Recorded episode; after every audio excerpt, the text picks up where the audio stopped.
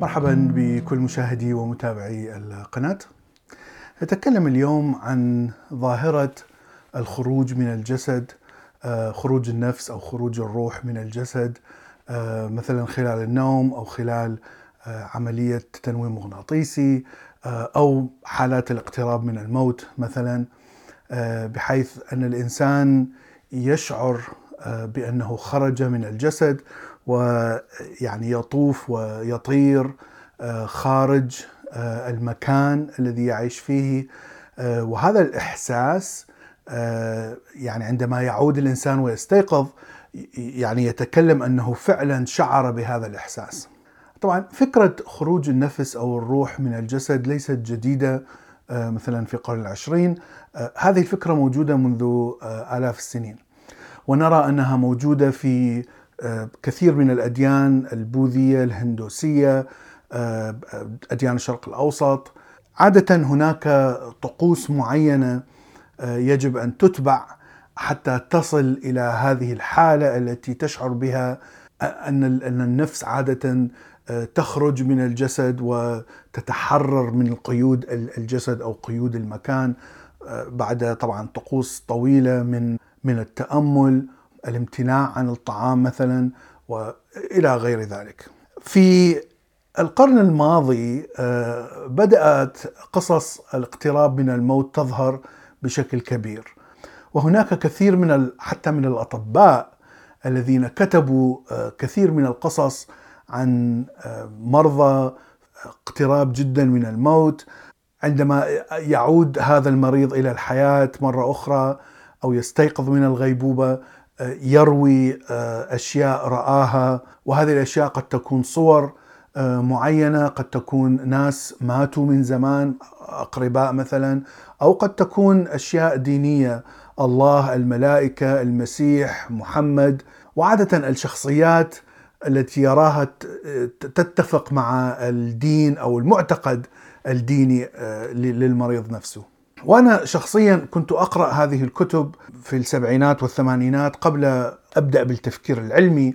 عندما كنت طفل وبداية المراهقة وكنت أعجب كثيرا بهذه الكتب لأنها آه، تفسر شيئا من غموض الموت مثلا وغموض آه، ماذا يحدث بعد أن نموت أو العالم ما فوق الفيزيائي آه، الذي لا نعرف عنه شيء. فهذا هذا هو الشيء الأول الذي جذبني كثيرا لهذه القصص. طبعا معظم هذه القصص تتفق مع الأفكار الدينية التي تقول هناك عالم بعد الموت وهناك روح والروح هي التي تطلع تخرج عندما تموت عندما يموت الجسد. لكن بعد أن بدأت أن أقرأ الكتب العلمية وأقرأ التجارب العلمية التي تحاول أن تكتشف صحة هذا الشيء هل فعليا هناك روح؟ ما هي هذه الروح؟ آه، لا يوجد أي شيء. العلم لم لم يصل إلى أي نتيجة آه، آه، بأن هناك شيء اسمه روح أو أي شيء في في الجسد يؤثر على الدماغ يؤثر على الشخصية يؤثر على كيميائيه الخلايا التي فعليا هي التي تصنع الشخصية تصنع الوعي تصنع الأنا تصنع تصنع كل شيء فاذا هناك شيئين مهمين جدا آه، آه، تتكرر في كل هذه القصص. الشيء الأول أن الإنسان الذي آه، يدخل في هذه التجارب لا يموت، الإنسان لا زال حي، ربما قد يكون في غيبوبة لكن خلايا الدماغ لا زالت حية. طبعا المرضى في المستشفيات يكونون تحت عناية مباشرة يكونون مثلا تحت أجهزة وأدوية معينة. عادة آه، تجعل القلب يستمر بضخ الدم. وإذا استمر القلب بضخ الدم إلى الدماغ فإن خلايا الدماغ لا تموت تبقى آه، حية. حتى لو لو كان الإنسان في غيبوبة. لا يوجد قصة آه، من هذه القصص أثبتت أن خلايا الدماغ ماتت وأن القلب توقف عن العمل لمدة أكثر من من سبع دقائق وهذه المدة التي تموت فيها خلايا الدماغ. فإذا توقف القلب أكثر من سبع دقائق وعاد المريض مرة أخرى نعلم أنه فعليا عاد من الموت. لكن كل هذه القصص تتكلم عن ناس دخلوا في غيبوبة قد يتوقف القلب دقيقة دقيقتين خمس دقائق لكنه يعود مرة أخرى للعمل بعد أن يضخوه بمواد كيميائية أدوية كيميائية التي آه، تحرك القلب مرة أخرى. هذه الحقيقة الأولى. الحقيقة الثانية أن هؤلاء الناس تحت ضغط آه، جسدي أو نفسي كبير عادة. يعني لا ترى إنسان مثلا يتمشى في الشارع ويشعر بصحة مثلا ووعي تام ودخل في هذه الغيبوبة بشكل مفاجئ. لا يوجد هذا الشيء. فإما أن يكون الإنسان آه، يعني في مرض شديد آه، جدا آه، أثر على جسده بالكامل وبهذا دخل في غيبوبة. أو يكون الإنسان لا يأكل ولا يشرب لفترة طويلة مثلا فهناك ستريس شديد على الجسم لأنه يفتقر إلى الغذاء آه، فالخلايا تحت ضغط كبير آه، وألم شديد.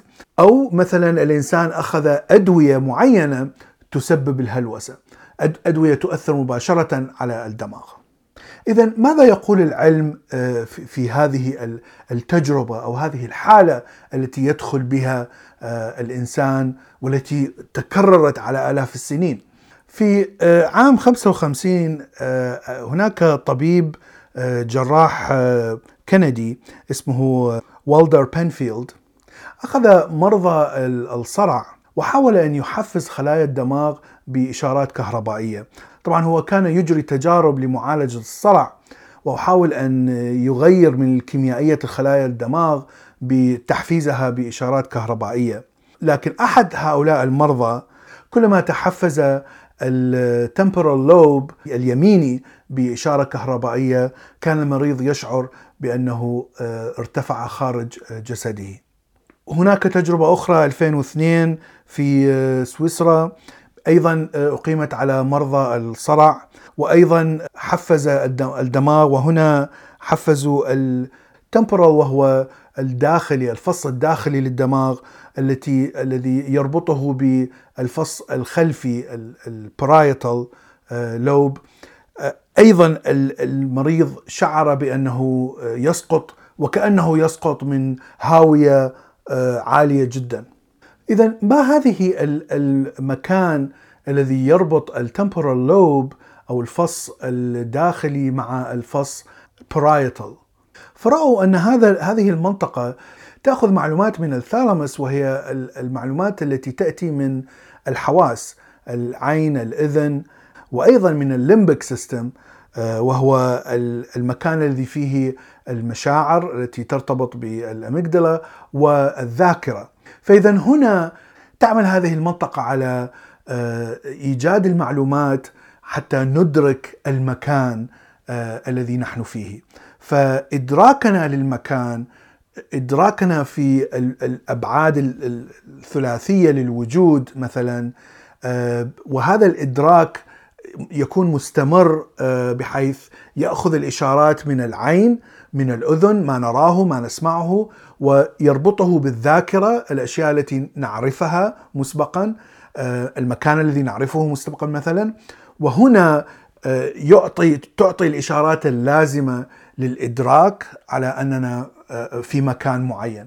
اذا العلم يعرف لماذا يشعر المرضى الذين لديهم خلل ما بين هذين الفصين في الدماغ آه، يشعرون باللامكان أنه يفقد الإدراك بالمكان.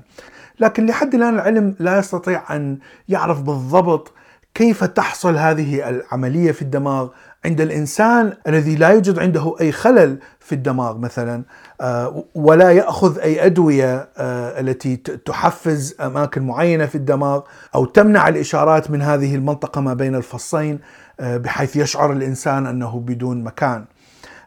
لأنه كما قلنا ممكن أن تدخل في عملية الإحساس بالخروج من الجسد في طقوس دينية معينة وهناك كثير من الطقوس الهندوسية والبوذية التي تدخل في هذه الحالة.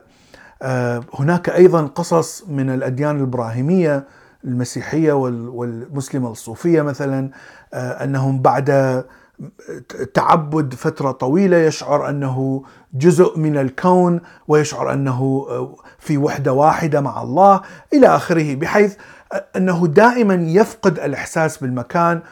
يعني وهذا الشعور يعني شعور رهيب جدا وليس طبيعي ولهذا طبعا يربطه بوجود الإله أو وجود الكون أو وجود روح بوذا إلى آخره حسب الدين أو الأشياء التي تعلمتها أو تؤمن بها. اذا أعتقد أننا لازلنا لم نكتشف آه، كل أسرار كيميائية الدماغ. آه، لا زالت هناك كثير من الأسرار آه، يعني أبسط هذه الأشياء هي كيف تنتج الوعي أو ينتج الأنا من الكيميائية التي تحدث في الفصل الأمامي مثلا. فهذا يعني مثال على أننا لازلنا في خطوات البداية باكتشاف آه، كيف يعمل الدماغ، كيف تعمل كيميائية الدماغ، وأعتقد أن هذا الموضوع الخروج من الجسد والهلوسة بشكل عام أيضا لا زال من ضمن الأسرار التي لازلنا نتعلمها، لكني أعتقد أن العلم سيصل يوما ما إلى فك آه، آه، حل كل هذه الأسرار. شكرا لكم وإلى اللقاء في حلقة أخرى.